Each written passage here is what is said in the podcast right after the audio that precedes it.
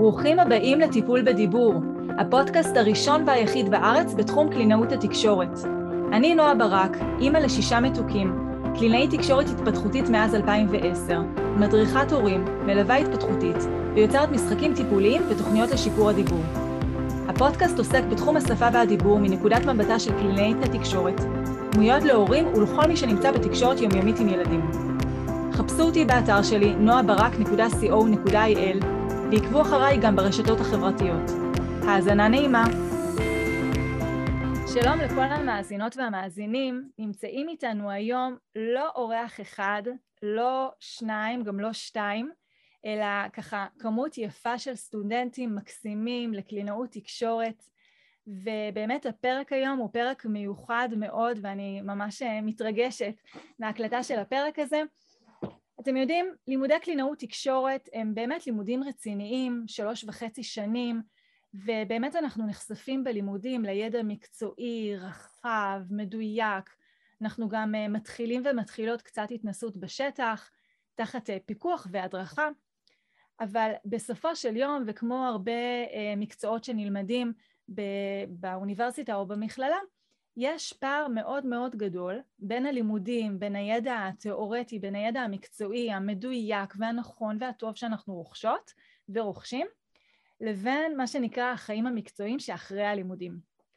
פתאום אנחנו נמצאים לבד בשטח, עם ילד או תינוק או מבוגר, ואנחנו צריכים לספק מענה ולהתמודד עם כל מיני עניינים נוספים מסביב, אה, שקשורים להחזקה של התהליך הטיפולי, כמו איך לקבוע תור ואיך להתמודד עם ביטולים ומה אני עושה כשהילד לא משתף פעולה אה, או שאני נתקלת באיזשהו שיבוש אה, דיבור לא קלאסי כמו שלמדנו, כמו שמופיע בספר. ובכלל עצם זה שאנחנו מכילים פה משפחה שלמה כי אף פעם זה לא רק אנחנו מול הפה של הילד או הפה של המבוגר או הגרון שלו או האוזניים שלו אנחנו בעצם מתמודדים פה מול בן אדם שלם על כל המכלול שלו, על כל אמ, האופי שלו, על כל האתגרים שלו, על כל החוזקות והחולשות שלו, ויותר מזה, אנחנו פה מול מערכת משפחתית שלמה, מול ההורים, מול האחים, מול בני הזוג אם מדובר פה על, על אנשים מבוגרים, ואנחנו כמטפלים בעצם צריכים פה להכיל את, ה, את המקרה ולתת פה את המענה הכי טוב ונכון עבור מי שנמצא מולנו. והיום אנחנו הולכים לדבר על זה, ממש על החיים שאחרי הלימודים, ו, ובאמת אה, מה קורה שם ומה אנחנו יכולים לעשות שם שיהיה טוב יותר, ובכלל על תחום קלינאות התקשורת אה, בפועל, בחיים עצמם. אז אני אתחיל ככה מלשתף את הסיפור האישי שלי. אני בעצם uh, התחלתי את דרכי האקדמאית בפקולטה לרפואה באוניברסיטה העברית, השלמתי תואר ראשון במדעי הרפואה, כי מאוד מאוד רציתי לעסוק במחקר, זה תחום שמאז ומעולם מאוד מאוד עניין אותי, אבל uh, תוך כדי התואר, בשנה האחרונה גם עבדתי במעבדות מחקר, והייתה לי מאוד מאוד חסרה אינטראקציה אנושית. אז אחרי שהשלמתי את התואר, סיימתי את הלימודים, ואז נחשפתי לתחום קלינאות התקשורת uh, מכמה כיוונים, ועברתי פשוט ללמוד תואר נוסף באוניברסיטת תל אביב בקלינאות תקשורת. הלימודים באוניברסיטה, לפחות באוניברסיטת תל אביב, ואני יודעת שככה זה בעצם במוסדות האקדמיים בארץ, הם באמת לימודים מאוד רציניים, לימודים ככה דורשים, שעות ארוכות, אה, ואנחנו נחשפים לידע מקצועי, ואני זכיתי ללמוד אצל המרצים הטובים בארץ, ובאמת אני מודה על ההזדמנות ועל הזכות ללמוד אצל אנשי ונשות מקצוע משכמם ומעלה, וקיבלתי המון המון המון. ובשנה וחצי האחרונות של הלימודים גם אה, מצטרפות תצפיות והתנסות בשטח. ואני ממש זוכרת שבאחת מההתנסויות שלי, אה, דוקטור שושי רבינוביץ' היא הנחתה אותי, והילד שבעצם טיפלתי בו, הוא היה ילד מאוד מאוד מתוק, שהיה לו שיבוש מסוג fronting. ולטובת המאזינים שהם לא אנשי מקצוע, אנחנו, אני רק אסביר בקצרה שפרונטינג זה אומר שהילד מפיק את הצליל במקום קדמי במקום במקום אחורי. זאת אומרת, במקום להגיד קוף, הוא אומר תף. במקום להגיד ג', שאומרים אותה עם החלק האחורי של הפה, אזור הגרון, הוא אומר ד'. וזה אה, סוג השיבוש הזה. ובאמת אה, אנחנו יודעים ו- ולומדים כסטודנטים שהרעיון פה זה לעזור ללשון, לחלק הקדמי שלה, במקום שהיא תעלה למעלה, לעזור לה להיות למטה, בין אם זה על ידי סוכריה על מקל שאנחנו מצמידים למטה, בין אם זה על ידי כפית שאנחנו מניחים על הלשון של הילד, או מקל ארטיק, או כל מיני אצבע, אה, או כל מיני רעיונות כאלה, ואני הגעתי, טוב, בסדר, זה מאוד מאוד פשוט לעשות. הגעתי בתחילת הטיפול עם אה, ככה, אני לא זוכרת אם זה היה מקל או כפית שהכנתי, וביקשתי מהילד להוציא לשון שאני אניח אליו את החפץ, והוא יוכל להגיד את הצליל האחורי במקום הקדמי. ואז קרה משהו שלא ציפיתי שיקרה, והילד אמר לי, לא רוצה. עכשיו, מה זה לא רוצה? אז איך אפשר אם אתה לא רוצה? איך אני יכולה לעזור לך להגיד אם אתה לא רוצה? ושם זה ככה תפס אותי וקפאתי, ומבחינתי הטיפול נגמר. אני פשוט לא ידעתי מה לעשות. ודוקטור אה, שושי רבינוביץ' המקסימה, היא ככה מיד לקחה את המושכות ולימדה אותי לקח מאוד מאוד חשוב. היא אמרה לי, תמיד ממשיכים. גם אם פתאום נתקע, גם אם פתאום לא קרה כמו שחשבתי שיקרה, חשוב מאוד לא לעצור שם, אלא להמשיך. ועוד דבר ככה באמת שהיא לימדה אותי, זה אה, לה, לה, בעצם לשמר ולהטמיע את הרעיון הזה שאנחנו משחקים במשחק ואז פועלים פעולה שקשורה לתחום הטיפולי.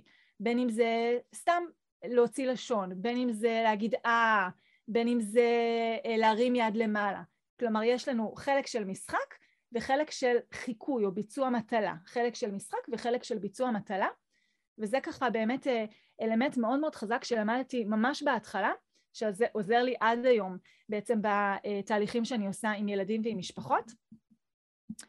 ופה באמת ככה למדתי לראשונה על בשרי כמה יכול להיות גדול הפער בין הידע שאני יכולה להיות סופר זוכרת וטובה ומצטיינת בלימודים ובין העולם האמיתי. ועם כל זה שאת קלינאית מאוד מקצועית עם המון המון ידע, את עדיין בלי ניסיון, ואתה עדיין בלי ניסיון כשאנחנו מסיימים את הלימודים ונכנסים ביום הראשון לעבודה, וזה בסופו של דבר אני, הילד אה, וחדר הטיפולים, או אפילו ההורים שלו. אז uh, באמת אני עבדתי באופן אישי במגוון מקומות בהתחלה כדי להבין למה אני מתחברת ואיפה התשוקה שלי. אני עבדתי גם בגן תקשורת ובמכון שמיעה, וביצעתי בדיקות שמיעה והתאמה של מכשירי שמיעה, ובמכון התפתחות הילד ובקליניקות פרטיות, ואפילו התנדבתי תקופה במעון יום שיקומי, כי מאוד רציתי באמת אה, לקבל קצת יותר ידע והבנה על ילדים עם לקויות מורכבות, ולא רציתי לתפוס שם תקן שלם כי לא רציתי אה, להיות שם הרבה שעות אלא מעט שעות אז אני ממש התנדבתי שם כקלינאי תקשורת ובסופו של דבר פתחתי קליניקה פרטית ושם התמקדתי ובשנים האחרונות אני עסוקה כל הזמן בליזום ולפתח מוצרים חדשניים נוספים שבאמת מתמקדים בהורים כסוכני השינוי העיקריים ולכן אה, ממוקדים בלתת להם כלים, ידע, עזרים והכוונה וליווי איך לקדם את הילדים בלי להיות תלויים בתורי המתנה וזאת uh, תחילת הדרך, uh, או באמת העיקר של הדרך המקצועית שלי. אז עכשיו, מה שאנחנו נעשה, אני אפתח את המיקרופון לאט לאט, כל פעם לסטודנט או סטודנטית אחרים שנמצאים איתנו, ו, uh, ותהיה זכות, ה, תהיה הבמה שלהם, הם ישאלו את השאלה, ואנחנו ככה נשוחח סביב הנושאים שבאמת רלוונטיים לעולם שאחרי הלימודים. אז אסתר יקרה, אני ככה פותחת לך את המיקרופון. איזה כיף. היי. היי. אה, אז אני קודם כל רוצה להגיד שאת באמת השראה בשביל אה, המון המון סטודנטים. אני היום מנהלת את קבוצת הסטודנטיות בפייסבוק ואנחנו רואות את הדברים שאת עושה, מאוד מאוד מתרשמות וכיף לראות שיש כזה מודל אה, לאחרי הלימודים, אז קודם כל תודה. אמ, מה שאני הייתי רוצה לדבר איתך זה על יזמות וטכנולוגיה. אני רואה שאת מתעסקת בזה הרבה, וזה חלק מה, מהיומיום שלך, מהעבודה, ואני הייתי שמחה לשאול איך את רואה את זה מתפתח הלאה. כי הטכנולוגיה היא בשנים האחרונות היא חלק בלתי נפרד מחיים של כל ילד, כל מבוגר, אמ, יש פיתוחים מטורפים, ואני מרגישה לפעמים קצת שהלימודים או אה, קצת מטשטשים את זה או פשוט משאירים את זה בצד. אז אני אשמח לשמוע את דעתך על זה. אוקיי, okay, אז אני באמת אה, אגיד שבעיניי כל דבר שהוא, אה, שהוא קדמה הוא מאוד מאוד מבורך. בסופו של דבר, כמו שאת אומרת, אנחנו חיים בעולם משתנה, והדברים שהיו נכונים לפעם הם פחות נכונים להיום, אפילו ברמה של אה, הכרטיסיות שאנחנו משתמשים בהם עם הילדים, יש שם איזושהי כרטיסייה של אבסורדים שרואים ילד מחזיק שפורפרת של בננה במקום שפורפרת של טלפון והיום זה משהו שלא קיים כי אין טלפונים כאלה. אז... ומי יבין את זה בכלל? כן. לא מבינים בכלל מה קורה פה. אז אה, כן, אני בהחלט בעד התאמה לעולם המשתנה שלנו, והעולם בהחלט הולך קדימה, אה, ולטכנולוגיה יש יותר ויותר מקום ומשקל.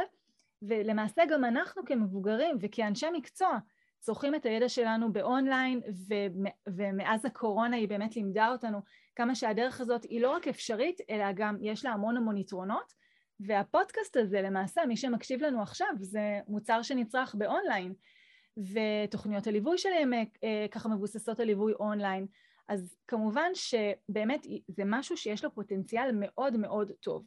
אבל כמו כל דבר, אנחנו חשובים וצריכים לשים לב למינון, לתכנים ולקהל היעד. כלומר, אמ, למשל אצל ילדים, אנחנו יודעים שאנחנו כן ממעטים לחשוף אותם לגירויים טכנולוגיים שהם לא עם תוכן איכותי או שהם מורידים את האפשרות שלהם לאינטראקציה אנושית. אבל תחום התת"ח, שזה תקשורת תומכת חליפית, שזה תחום שמאפשר לילדים שלא מסוגלים ורבלית להביע את עצמם, אה, זה תחום שמאפשר להם להביע את עצמם בדרכים אחרות. אז, אה, אז כמובן שזה, יש שם, הקדמה, הקדמה הטכנולוגית נכנסה שם מאוד חזק, וזה מהמם, זה מדהים איך אנחנו יכולים להנגיש לילדים את הדרך ואת היכולת להביע את עצמם באמצעים טכנולוגיים משוכללים, בלי שהם משתמשים במילים, ולהביע את הכוונות והרצונות שלהם. כך שבאמת בסיטואציה כזאת זה משהו שהוא מאוד מאוד אה, מבורך וטוב. אבל אם אנחנו מדברות על אה, למשל אה, למידה שהיא חד צידית, שהיא יותר הילד עם עצמו מול המסך, וזה משהו שהוא פחות אה, מצריך, או לא רק פחות מצריך, אלא גם לא מערב את הילד באינטראקציה, זה בא על חשבון הזמן שהוא היה יכול להיות באינטראקציה עם ההורה, אז אנחנו צריכים מאוד למנן ולהגביל ולהבין שגם שאני יכולה לחשוף אותו ככה למגוון של תכנים, זה יבוא לי על חשבון אינטראקציה טבעית, ותמיד, תמיד, תמיד, תמיד אינטראקציה בזמן אמת היא תהיה הרבה יותר משמעותית ומלמדת ומפתחת מכל אינטראקציה אה, טכנולוגית אחרת. כי אה, גם לפעמים הורים אומרים לי, אבל אה, יש לנו איזו אפליקציה שהורדנו ויש שם מלא מילים שהוא לוחץ והוא שומע מלא מלא מילים, אז זה בעצם מעשיר את אוצר המילים שלו. אבל אנחנו יודעים כאנשי מקצוע שבסופו של דבר זה לא משנה אם הילד אומר עוד מילה, פחות מילה, עוד משפט, פחות משפט, השאלה מה הוא עושה עם זה. השאלה אם הוא מבין את המשמעות של השפה כמשהו שהוא יצרני, שמשהו שהוא מופשט ושהוא משהו דינמי, שהוא מכיל איזושהי משמעות, וזה לא רק לשנן עוד מילה או פחות מילה, אלא באמת להצליח להשתמש בה בצורה תקשורתית. אז האם טכנולוגיה היא מבורכת? היא בהחלט מבורכת, ואני חושבת שזה אה, כיוון מאוד מאוד נכון להתקדם אליו, אבל צריך לראות מי באמת אלה שיצרכו את התוכן, איזה תוכן, כמה תוכן, וכמובן אה, לעשות את ההתאמות פה בהתאם לזה. אז אני מקווה שזה ענה לך על השאלה. בהחלט. אפשר שאלת המשך עם זה? אמ, איך היית ממליצה לסטודנטיות להיכנס לעולם הזה של היזמות והטכנולוגיה? ככה זה משהו קטן שייתן סטארטר. אמ, זאת שאלה מאוד מאוד טובה, אני חושבת שבסופו של דבר זה מתחיל מתשוקה מאוד מאוד גדולה, אה, זה חייב לנבוע מתשוקה מאוד מאוד גדולה באמת לעשות טוב וליצור שינוי חיובי, כי זו דרך מאוד מאוד מורכבת. כשאני התחלתי לייצר את המשחקים שלי בסין לפני, אמ, אני כבר לא זוכרת, אני חושבת ששש שנים כשהתחלתי את התהליך ולקח לי שלוש שנים עד כשהחזקתי משחק ביד, לא האמנתי כמה זמן זה ייקח, ואם לא הייתי כל הזמן בתוך המטרה הטהורה וכל הזמן היה לי בראש את המקום החשוב והנעלה של למענו אני משקיעה כל כך, זה לא היה קורה. אז אני חושבת שזה צריך קודם כל לנבוע מתוך באמת תשוקה אמיתית ורצון לעשות שינוי שהוא טוב וחיובי. אמ, צריך גם אומץ. כי זה לא פשוט, ויש הרבה פעמים קולות מסביב שלא מאוד אוהבים שינויים. אה, שינוי זה משהו שהוא נתפס אצל הרבה אנשים כמשהו קצת מלחיץ ויכול אה, להיות ככה מערער, אז צריך גם המון אומץ אה, להמשיך בדרך, ו, ו, וראש פתוח. כלומר, באמת ראש פתוח, אה, לקלוט שינויים, אה, אה, לחשוב יצירתי, לחשוב ככה באמת מתוך מקום של זה אפשר, רק איך עושים את האפשר הזה לאפשר. ונראה לי שמשם זה הנקודות החשובות להתחיל, כי, כי שוב, זה תהליך שהוא יכול להיות מאוד מאוד מורכב, אבל צריכים, הוא צריך לנבוע מתוך מניעים נכונים ומתוך ככה ביטחון בדרך, כדי שיהיה אפשר להגשים אותו. איזה כיף, שיהיה לכולנו אומץ. תודה. בעזרת השם, ממש בהצלחה. אוקיי, אמ, אז אני אזמין עכשיו את שחר, נפתח לך את המיקרופון. תודה רבה. שומעים אותי? מעולה, שומעים אותך. קודם כל, אני חלמתי להיות פה, זה הגיע מוקדם מהמצופה. וואו. אז ממש תודה. איזה כיף. אמ, יש לי מלא שאלות, אבל אני חושבת שאני אתחיל עם זאת שכתבתי בצ'אט. Mm-hmm. שהיא מדברת על התפתחות הילד, שזה משהו ש... זה נושא נורא מדובר כשמסיימים את התואר, וזה באמת נחשב כאילו הזדמנות הזהב ללמוד, ומצד שני ידוע ש... שתנאים מאוד מאוד אה, נמוכים, נגיד. אני, אני אישית לא עובדת שם כרגע, ורציתי לשאול מה דעתך, כאילו, האם זה must או באיזה שלב, או למה חשוב לשים לב, כי יש כל מיני סוגים של מכונים, אה, אז ככה, אשמח לשמוע את דעתך. אוקיי. Okay. אז, אה, אז אני חושבת שזאת שאלה מאוד מאוד חשובה והיא באמת מעסיקה את ה, לא רק את הסטודנטים אלא גם אותנו כקלינאים בשנים האחרונות יותר מתמיד. המקום של השכר, של לקבל תשלום הולם והוגן עבור העבודה הכל כך מקצועית וכל כך קשה ושאנחנו עושים אה, יום יום מול הילדים. ובאמת אה, יש פה את העניין של מסגרות ציבוריות שהן מוגבלות מבחינת היכולת שלהן לתגמל בשכר שהיינו רוצים לקבל לעומת היתרונות שנמצאים לצידן, לעבוד במקומות כאלה. ואני חייבת להגיד שלצד זה שיש באמת המון דיבורים סביב שכר ושכר ושכר בשנים האחרונות, לא בהכרח בקהילת הסטודנטים אלא באופן כללי, ובוודאי ש, ששכר זה עניין מאוד מאוד משמעותי, בשנים הראשונות במיוחד יש הרבה פרמטרים שכדאי לקחת בחשבון כשאנחנו בוחרים מקום עבודה, ושכר זה בעצם רק אחד מהם. אה, אפילו יותר חשוב מזה, הייתי אומרת, מקום התנסות שיאפשר לי באמת התנסות רחבה ומגוונת, ליווי והדרכה מקצועיים וזמינים, אה, וגם אם אני הולכת למקום שאין בו הדרכה מספיק טובה, אז חשוב מאוד מאוד מאוד להשקיע ברכישה של הדרכה מקצועית, גם אם זה אומר לשלם תשלום חיצוני להדרכה חיצונית, וקרה לי לא מעט שהייתי במקומות עבודה שהרגשתי שאני רוצה יותר, והשקעתי את התשלום, זה... זאת השקעה שהיא לגמרי מצדיקה את עצמה ושווה בהמשך הדרך.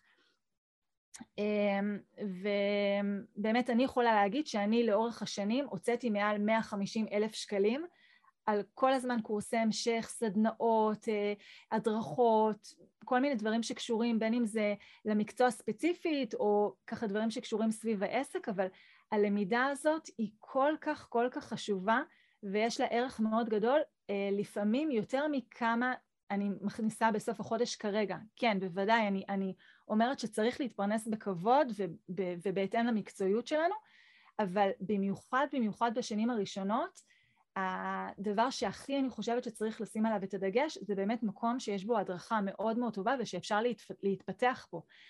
אז, אה, אז מכוני התפתחות הילד זה מקום מדהים, זה מאפשר לנו התנסות מאוד מאוד רחבה עם ככה באמת אה, ילדים עם אה, לקויות מגוונות ואוכלוסיות אה, מגוונות ו, ו, ובאמת מקום מסוים ככה של עבודה שמי שאוהב את עולם הילדים ומי שרוצה באמת להתעסק ולהיחשף לכל מיני מקרים כדי לדעת בהמשך מה מושך אותו יותר ולאן הוא רוצה להמשיך להתמקצע הלאה, זה, זה מקום מעולה להתחיל ממנו, אבל כן, לשים לב שאנחנו מקבלים שם הדרכה מאוד טובה, זה בעיניי אחד מהדברים המאוד מאוד חשובים בשנים הראשונות. מעולה, תודה רבה. בשמחה. טוב, אתם מוזמנים בינתיים להמשיך לכתוב לי פה בצ'אט, אמ, ואני ככה אפתח גם למוריה את המיקרופון. רגע, אחפש אותך. אוקיי, אז מוריה באמת, היי מוריה, את שומעת אותי? כן. מעולה. אז אני אומרת, את ציינת פה נקודה מאוד מאוד חשובה, את אומרת באמת שתחום התפתחות הילד זה לא רק עניין של מה גובה השכר, אלא גם סגנון מסוים של עבודה. למה את מתכוונת באמת כשאת אומרת את זה? אמ, באמת מההתנסויות שלי אני ראיתי שאני יותר מתחברת לעבודה בתוך המרחב הטבעי יותר של הילד, שזה גנים, בתי ספר, וזה באמת סגנון מאוד שונה מהתפתחות הילד, קופות חולים והכל. נכון. אני זה, זה גם סוג של הקרבה, שאם הולכים להתפתחות הילד, גם את ההקרבה הזאת צריך לעשות. נכון, אני מסכימה איתך, זה, זה מאוד מובנה.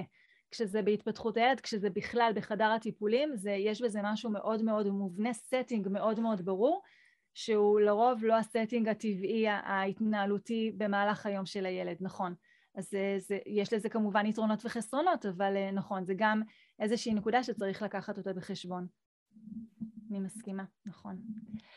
אמ, אוקיי, אז אני אפתח עכשיו את המיקרופון שוב לשחר. מוזמנת לשאול בקול. Uh, סבבה, אני מקווה שהשאלה מתאימה. קראת אותה. סבבה, אז uh, באמת סיפרת קודם שהשקעת הרבה בהדרכה חיצונית, ב- כאילו ברכישת הדרכה, ברכישת קורסים, ואני מרגישה שיש כל כך, כאילו לומדים בתואר המון, ואז יוצאים ומגלים שיש פי מיליון, אז אני אשמח לשמוע אם יש אה, קורסים או, או כלים שהיו בשבילך הכי משמעותיים שרכשת או, או קנית בהמשך מבחינת למידת המיומנות. ו... אוקיי, okay, אז זאת באמת שאלה ככה מאוד גדולה. אני יכולה להגיד עם יד על הלב שכל קורס וסדנה שרכשתי, קיבלתי ממנה משהו שהיה לי מאוד מאוד משמעותי להמשך הדרך. בין אם זה ידע מקצועי, בין אם זה להתחבר לסגנון עבודה אחר של קלינאית שונה ממה שאני עושה בדרך כלל, ככה פותח את הראש לחשיבה אחרת, אבל אני חושבת שכשאנחנו מסיימים את הלימודים, ממש מסיימים את הלימודים, אנחנו יוצאים עם המון המון המון ידע, לפעמים עד כדי הצפה, וידע חדש כרגע ממש בהתחלה זה לא בהכרח הדבר שאנחנו הכי צריכים אותו. אני חושבת שצריך להתחיל קודם כל קצת להתנסות ואני ממליצה באמת, אמ, וזה יתרון, יתרון חיסרון, אבל בשנים הראשונות זה יתרון שאנחנו יכולות לשלב אה, חלק, חלקיות משרה בכמה מקומות שונים ולטעום מכל מיני סגנונות ובאמת לראות למה אנחנו מתחברים ומה אנחנו מאוד אוהבים לעשות כי זה חייב לנבוע מאהבה מאוד מאוד גדולה. בסופו של יום זאת עבודה שהיא אינטנסיבית ויכולה להיות שוחקת מאוד מאוד מהר ולכן זה צריך באמת לנבוע מתוך באמת אהבה וחיבור לתחום הספציפי שבחרנו להתמקצע בו יותר. וקודם כל קצת להתנסות, קצת להבין ולהרגיש בשטח מה אני אוהבת יותר, לפני שעוברים הלאה לקורסי המשך. עכשיו, אני כן רוצה להגיד שבאמת מעבר לקלינאיות המדהימות שכל אחת מהן שלמדתי, למדתי המון בקורסים ובסדנאות שהשתתפתי, עזר לי מאוד מאוד גם כל מיני קורסים שהשתתפתי בהם שעזרו לי להשלים את התמונה, אני מתמקדת בילדים, עזרו לי להשלים את התמונה בהתפתחות הילד, בין אם זה קורס הדרכת הורים של מכון אדלר שעברתי, שנתן לי באמת מהפך, קודם כל כאדם, כאימא, כאשת מקצוע, ממש נתן לי פה השלמה כל כך חשובה לתהליך הטיפולי ולדינמיקה בין ביני לבין ההורה שהוא סוכן השינוי העיקרי מול הילד, איך אני ניגשת, איך אני מעודדת, איך אני מגייסת אותו לעבודה, זה היה לי כל כך משמעותי. בין אם זה אה, הדרכות שעברתי אצל אנשי מקצוע עם תחומים משלימים, אמ, אני לא אגיד שמות כי זה לא יהיה הוגן, כי אני תמיד אגיד רק חלק מהשמות, אז אני לא אנקוב בשמות ספציפיים, אבל אני כן יכולה להגיד מתחום המוטוריקה, מתחום אה, אה, הפסיכולוגיה, כלומר הדרכות שלקחתי מעבר אה, בין אם זה NLP אפילו, דברים ככה מסביב שעוזרים להשלים תמונה. כי שוב, אנחנו מאוד מאוד ממוקדות שפה ודיבור, במיוחד, או תקשורת, במיוחד בגיל, אם, אם אני מתייחסת לילדים, אבל ילד זה עולם שלם, וההתפתחות שלו והצלחת הטיפול תהיה תלויה מאוד מאוד ביכולות ההיקפיות שלו, בכל ההתפתחות שלו, וזה מתחיל מרגע שהוא נכנס לחדר ואני יודעת להסתכל עליו בעיניים מקצועיות, איך הוא הולך, מה הוא עושה, איך הוא ניגש לשולחן, מה הדינמיקה בינו לבין ההורה, אה, איפה הצבת הגבולות, איפה היכולת אה, החזקה שלו ויכולת דחיית סיפוקים, כל כך הרבה דברים שהם עוד לפני שלימדתי אותו להגיד איזה צליל חדש או איזשהו משפט חדש, והראייה ההוליסטית הזאת על הילד היא זאת שתקבע באמת בחלק מאוד מאוד ניכר את הצלחת הטיפול, את החיבור שלו אליי כמטפלת ואת ההצלחה של הטיפול. אז, אה, אז אם אני ככה באמת מסכמת את השאלה הזאת, אז אני אומרת שלא, לא, כשאתם מסיימים את הלימודים, לא בהכרח עכשיו להתחיל לקחת קורסים נוספים או לימודי המשך, אלא קודם כל קצת להתנסות ולטעום מהשטח איפה אתם מתחברים יותר, ואחר כך אמ, באמת לא, לא להינעל רק על תחום הקלינאות, אלא באמת להסתכל בראייה רחבה איזה עוד כלים אני כמטפלת יכולה לקבל כדי להביא להצלחה של הטיפול בצורה כמה שיותר uh, מרבית. מעולה, תודה רבה. בשמחה. אוקיי, אז um, אוקיי, אמיר, המיקרופון שלך לא פועל. עוד רגע אנחנו נגיע לזה.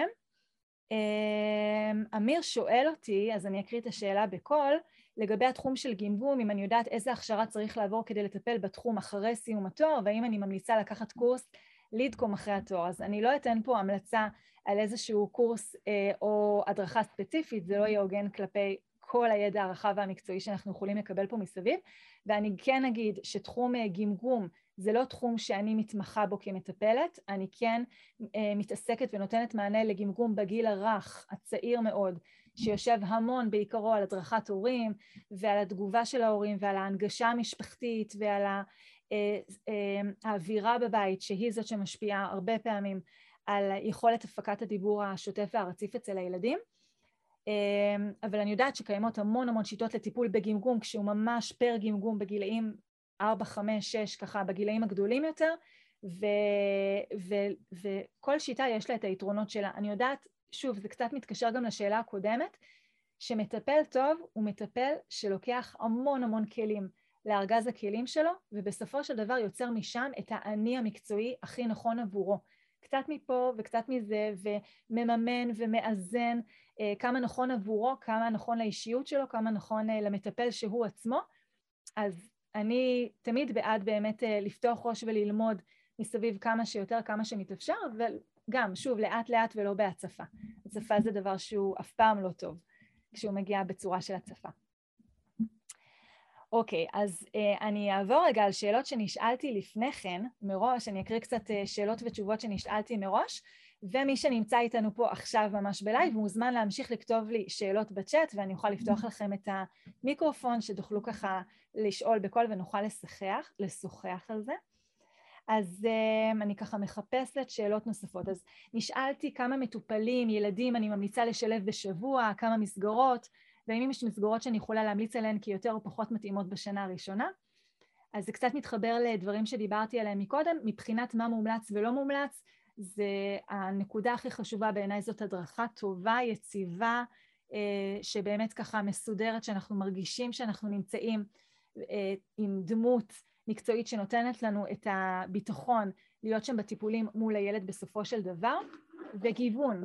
יש, כמו שבאמת דיברנו מקודם, יש יתרונות להתפתחות הילד, לעבוד במכון התפתחות הילד, ויש יתרונות לעבוד בגנים ובבתי ספר, ובכל מסגרת יש לה את היתרונות שלה ואת האופי הייחודי שלה. ואנחנו אף פעם לא נדע מה הכי מתאים לנו עד שלא פשוט נתחיל ונתנסה בזה. אז, אז באמת לנסות ולגוון ולראות למה אנחנו מתחברים יותר. בנוגע לכמה מטופלים לשלב בשבוע, זה משהו שהוא כל כך כל כך תלוי הכלה אישית.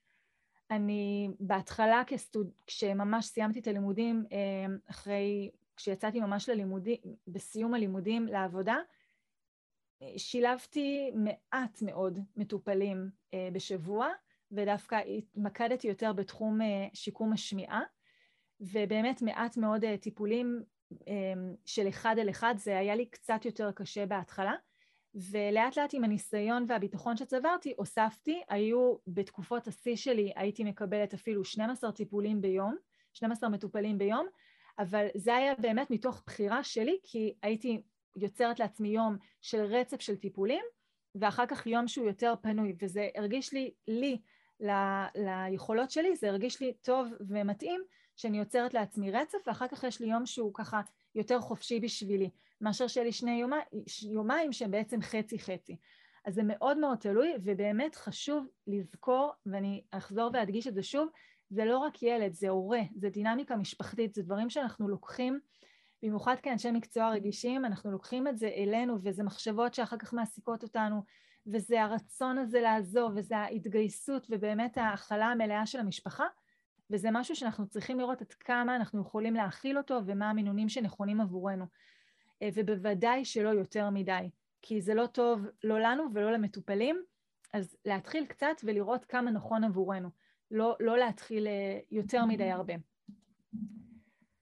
אז זה לגבי השאלה הזאת. אמ, נשאלתי, בואו נראה, אוקיי. אמ, מקום העבודה עשה את השיקולים שלו ומסיבה כזו או אחרת בחר להעסיק קלינאית מתחילה ללא ניסיון. אבל ההורים לא בחרו בזה ונתקעו עם המצב. איך לדבר עם הורים עם מספיק ביטחון עצמי גם במצב כזה, וגם איך בכלל נכון לגשת לשיחות והדרכות של הורים. אז זאת באמת שאלה מעולה. ו... ואני חושבת שזאת באמת הייתה אחת הסיבות שבהתחלה כקלינאית צעירה לא היה לי את האומץ לקחת הרבה מטופלים, כי הרגשתי את החוסר ביטחון מעצם חוסר הניסיון בשטח, אבל בסופו של דבר, גם בניתוח לב פתוח, יש לכל אחד את הניתוח הראשון שלו. לכל מנתח יש את הפעם הראשונה שהוא מבצע את הניתוח. זה משהו שהוא בלתי נמנע, מה שכן, זה מחזיר אותנו למקום שקלינאית מתחילה, בגלל שהיא חסרת ניסיון, היא חייבת לוודא שהיא מקבלת רשת חזקה של ביטחון, שזה בעצם מתבטא בהדרכה טובה, בדמות שיכולה באמת להתייעץ איתה, לשתף אותה, אה, להתלבט איתה ביחד. ואני אגיד לצד זה שהורים שזוכים לקבל קלינאית שהיא טרייה יחסית, הם הרבה פעמים זוכים בקלינאית שהיא מלאת מוטיבציה והיא עדיין לא שחוקה. ואולי יש לה גם יותר זמן אה, להשקיע בטיפול וללמוד אותו ו- וליצור כל מיני גירויים סביב, כי אולי לפעמים גם היא צעירה ועדיין אין לה ילדים, או שאין לה הרבה ילדים, והיא יותר פנויה באמת להשקיע. אה, לעומת קלינאית שיש לה המון המון שנות ניסיון וותק, שיכולה לפעמים להיות קצת יותר שחוקה ויותר עייפה, ופחות פנויה או פחות עם סבלנות, יכולה להיות, כן? זה כמובן לא כלל, אבל כן יש הרבה יתרונות, יכולים להיות יתרונות, גם לקלינאית שהיא פרש, מה שנקרא, ממש טריה וסיימה עכשיו את הלימודים, כמובן כל עוד הקלינאית מקפידה לוודא שהיא מקבלת הדרכה מקצועית, היא נותנת המון מעצם הרעננות שלה ומעצם אה, זה שהיא קלינאית אה, ככה עדיין, אה, עדיין מלאת המון המון מוטיבציה. ובסופו של דבר, חלק מאוד מאוד משמעותי שישפיע על הצלחת התהליך, בין אם זה יהיה תהליך מוצלח או תהליך פחות מוצלח, הדבר בין העיקריים, ואולי אני אגיד, אני לא אגיד העיקרי ביותר, אבל באמת בין העיקריים, זה הדינמיקה שנוצרת בין המטפל והילד. החיבור הטוב הזה שנוצר בין מטפל וילד יכולה להיות, שוב, אני לא אגיד קלינאית, אבל אשת מקצוע שהיא מאוד מאוד מאוד מקצועית, אולי אפילו פרופסור, שעשתה המון המון מחקרים וכתבה מאמרים וניסויים וניסיונות ובאמת מאוד מאוד ותיקה ומנוסה, אבל בגישה שלה עם הילדים היא פחות. ואז זה, אמנם יש לה המון ידע, איך, אבל זה, הידע הזה צריך לקרות על שיתוף פעולה של הילד, וזה מתחיל מחיבור עם הילד. ויכולה להיות אשת מקצוע אחרת שהיא יותר, עם אולי פחות ניסיון, פחות, אה, מקצוע, פחות ידע מקצועי, פחות אה, אה, הבנה מעמיקה של תהליכים, אבל היא מתחברת כל כך טוב לילד, שהפחות הזה שלה הופך להיות הרבה יותר, כי הילד פנוי ללמוד ממנה הרבה יותר. אז גם כשמסיימים, כשאתם מסיימים את הלימודים, באמת זה מקום שאתם יכולים להרגיש בו בטוחים, ליצור קודם כל את החיבור הטוב עם הילד. זה, זה הבסיס הכי הכי חשוב, שהילד ירגיש שאכפת לכם ממנו, שכיף לכם איתו, הוא יהיה פנוי ללמוד מכם הרבה יותר בקלות כל דבר שתיתנו לו. וזה באמת הבסיס העיקרי, החלק העיקרי, שישפיע על ההצלחה של הטיפול. שאלות נוספות שנשאלתי לפני כן. ושוב, מי שאיתי פה, אני מזמינה אתכם לכתוב בצ'אט, אל תתביישו, אתם מוזמנים לכתוב בצ'אט, ואחר כך אה, אני אפתח לכם את המיקרופון, שככה תוכלו לשאול את השאלה שלכם. אמ, בואו נראה. אוקיי, אז האם לדעתי יש עוד תפקידים בכירים או אופציות התקדמות ועשייה עבור קלינאיות וקלינאים שעדיין לא הומצאו או שהם בדרך? אז אני חושבת שבאמת כשמי שככה כבר מכיר אותי יודע שהתשובה שלי תהיה ברור ואיזה שאלה, אין פה בכלל שאלה. תמיד יש התקדמות, תמיד יש עשייה, תמיד יש התפתחות, תמיד יש התאמה לתנאים המשתנים. וחשוב להבין שבסופו של דבר הכוח הוא שלנו, של מי שיוזם, של מי שמשפיע, של מי שבודק, של מי שחוקר ושל מי שעושה. אה, אנחנו אלה שבעצם יוצרים את השינוי בסופו של דבר. העולם הוא מתקדם, הוא דינמי, הוא כל הזמן משתנה. מה שהיה מאוד טוב בעבר, היום לא בהכרח הכי נכון והכי מותאם. והילדים שלנו חיים בעולם הזה, שהמציאות בו היא משתנה. ובוודאי שחשוב להתאים את עצמנו ואת המענה המיטבי שאנחנו יכולים לתת לילדים, וזה יושב על באמת אה, הבנה של תהליכים, על הבנה של התפתחות, ובסופו של דבר על עשייה. מי שעושה הוא זה שמשפיע, הוא זה שיכול אה, ליצור ולחולל את השינוי. אני יכולה להוסיף על זה משהו? בטח. אה, זה, זה בעצם שאלה. אמ, נכון שיש את ההתפתחות מסביב, והזכרת קודם גם את הקולות המתנגדים. איך היית ממליצה, סליחה, איך היית ממליצה להתמודד עם זה? אוקיי. אמ, אני ככה חושבת אה, איך לענות על השאלה הזאת. אני יכולה להגיד, בלי להיכנס יותר מדי לפרטים, שגם אני נתקלתי בקולות המתנגדים האלה מכל מיני כיוונים, שוב, אני לא אפרט, אה, בכל מיני תהליכים שאני יזמתי ועדיין יוזמת, אה, וזה ערער אותי מאוד בהתחלה, אבל בסופו של דבר, כשזה נובע מתוך לא, לא, לא מניע שהוא טהור ואמיתי, לא כי סתם בא לי אה, לעבוד פחות שעות או להרוויח יותר כסף, אלא באמת מתוך הבנה של איך דברים עובדים, הבנה מקצועית ורצון באמת לעשות שינוי ולעשות טוב, וזה נובע באמת מהמקום הזה, זה מה שמניע אותנו ללכת קדימה ולהמשיך לפעול ולהמשיך לעשות. אה, זה לא שיש פה איזשהו אה, אה, מישהו שהוא עומד בראש והוא זה שמכתיר מה נכון או לא נכון לעשות. העשייה נעשית על ידי מי שבשטח פועל ועושה. ושוב, זה צריך לבוא מתוך מניע נכון, מתוך אה, הבנה מקצועית, מתוך אה, רצון באמת ליצור שינוי שהוא טוב והוא חיובי, אבל כשזה קיים שם, אז זה פשוט כוח שמניע להמשיך קדימה ולהמשיך לעשות. ו... אה, וכן, זה גם יושב על ביטחון של התנסויות קודמות, של דברים שניסינו וראינו שהם הצליחו, אז זה נותן לנו יותר ביטחון להמשיך ולפעול בדברים האלה. אבל אמ, כן, זה, שוב, זה להתחבר לאמת האמיתית שלנו, שאנחנו יודעים שאנחנו פועלים פה נכון, אנחנו עושים פה דבר שהוא טוב, אז למה לא בעצם? למה לא לעשות את זה? איזה כיף לשמוע תשובה כזאת, ממש מחזק, תודה. בשמחה. אוקיי, אז אני ככה באמת אענה על עוד שאלה אחת אחרונה שנשאלתי מראש, ואחר כך תהיה עוד הזדמנות למי שנמצא איתנו פה לכתוב בכל זאת שאלה בצ'אט ולהשתתף, אה, ואם לא, אז זה גם בסדר. אז אה, אוקיי, זאת גם שאלה שככה אה, מתייחסת לקדמה. יש פה שאלה האם יבוא יום ונשתמש בכלי אבחון ממוחשבים ולא עתיקים, ומי אחראי על זה. אז אה, שוב, בטח ומאוד מאוד הגיוני שזה יקרה, ומי אחראי על זה? זה כל אחד ואחד מאיתנו. אמ, חדשנות, יזמות, זה דבר שהוא טוב, העולם הולך לשם. שוב, צריך שזה ינבע מתוך מניעים נכונים, מתוך הבנה נכונה של תהליכים, איך לעשות את הדברים, על מי לפעול, איך לפעול, אבל אה, בוודאי שזה משהו שהוא, שזה נכון שהוא יקרה והוא צריך לקרות. הדברים הם פה, הם קורים, הם מתרחשים. אה, וכן, יש, אה, אני חושבת שלקורונה יש פה חלק מאוד אה, נכבד, ובסופו של דבר זה אחד מה... זה יתרון מאוד גדול לצד כל הבעיות שהקורונה יצרה והבידוד החברתי והריחוק החברתי ובאמת חשיפה מרובה למסכים שהיא בהחלט לא חיובית, בוודאי כשהיא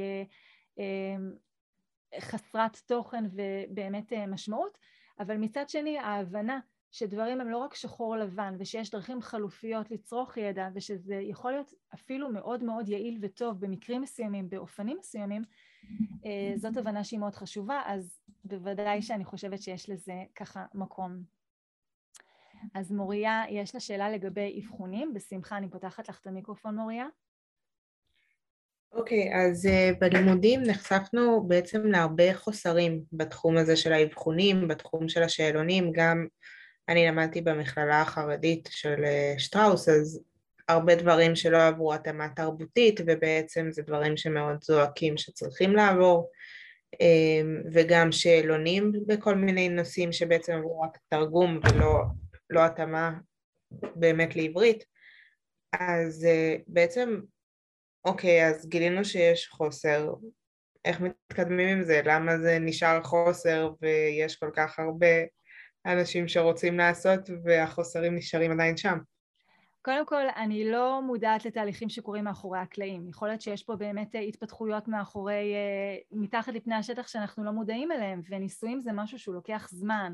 וכדי uh, ליצור אבחון מתוקנן אנחנו צריכים uh, אוכלוסייה גדולה יחסית ואנחנו צריכים שיהיה גם איזשהו מחנה משותף וגם חתך מסוים של גילאים וגם uh, ליצור ככה פרמטרים קבועים לצד פרמטרים משתנים שהם בשליטה שלנו.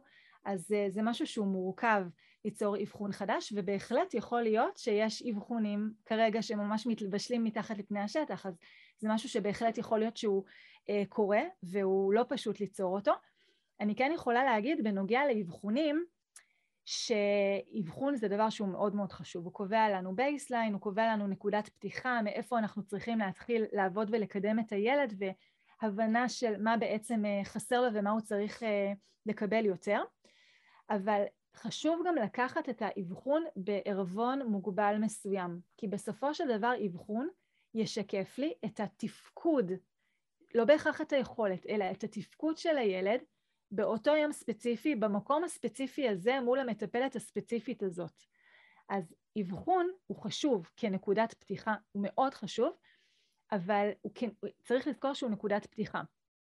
והרבה פעמים כשילדים הגיעו אליי לטיפול, אני הסתכלתי על האבחון, הוא היה לא בהכרח מלא כי הילד לא תמיד שיתף פעולה או ככה מגבלות אה, נוספות, הבנתי מאיפה אני צריכה להתחיל וככל שהטיפול התקדם, הכרתי יותר את הילד, הוא גם נפתח אליי יותר, הוא הציג לי את היכולות האמיתיות שלו, שלא תמיד באו לידי ביטוי באבחון, ואז יכולתי לדייק את המענה שלי עבורו תוך כדי התהליך. וזה באמת היופי והיתרון שאנחנו נמצאות פה בתהליך. זה לא אה, משהו שהוא, אנחנו צריכים לקבל עליו החלטה ממש בהתחלה, כלומר ההחלטה צריכה להיות האם הילד זקוק לעזרה או לא זקוק, זאת ההחלטה העיקרית. אבל ברגע שהבנו שהוא זקוק לעזרה, גם אם המטרות שלי בהתחלה הן לא אה, בהכרח הכי מדויקות, ושוב, כנראה שהן לא יהיו הכי מדויקות כבר בהתחלה, אני נכנסת איתו לתוך תהליך, לתוך יצירת קשר, לתוך אה, ככה שיפור ו, אה, ועזרה עקבית, ואז אנחנו בעצם תוך כדי זה לומדים את הילד להכיר אותו טוב יותר ולהבין טוב יותר מה הוא צריך, ואני גם אוסיף שעצם זה שהילד נמצא עכשיו בתהליך של אחד על אחד עם איש מקצוע שמכיל אותו, שהכל עצר מלכת לזמן הזה רק בשביל הילד הספציפי הזה, התשומת לב הגדולה הזאת שהילד מקבל, הרבה פעמים עצם זה כבר יוצר פה שינוי והשפעה. ואז אה, אנחנו רואים שלפעמים דברים שראינו באבחון הם לא באמת קיימים שם, כלומר היכולות הרבה יותר טובות ממה שהוא הציג, כי זה ישב על מקום רגשי או הימנעות או חוסר ביטחון, שברגע שאנחנו מעצימים את זה מהמקום הזה, אז אנחנו רואים את היכולת האמיתית של הילד. אז אני מקווה שזה ענה על השאלה. כן, תודה רבה. בשמחה.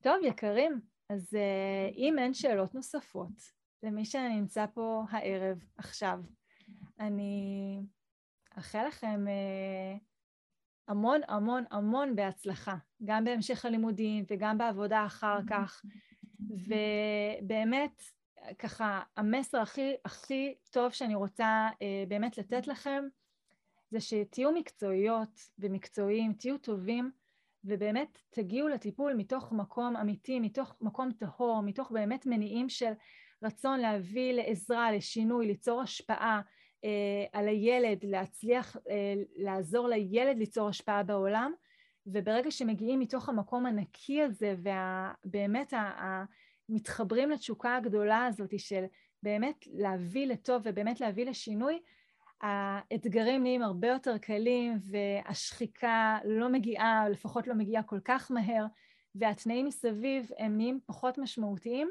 ובאמת אנחנו קמים בכיף לעבודה שלנו וזה ניכר וזה מה שעוזר באמת לדברים אה, לקרות כמו שצריך ולהצליח.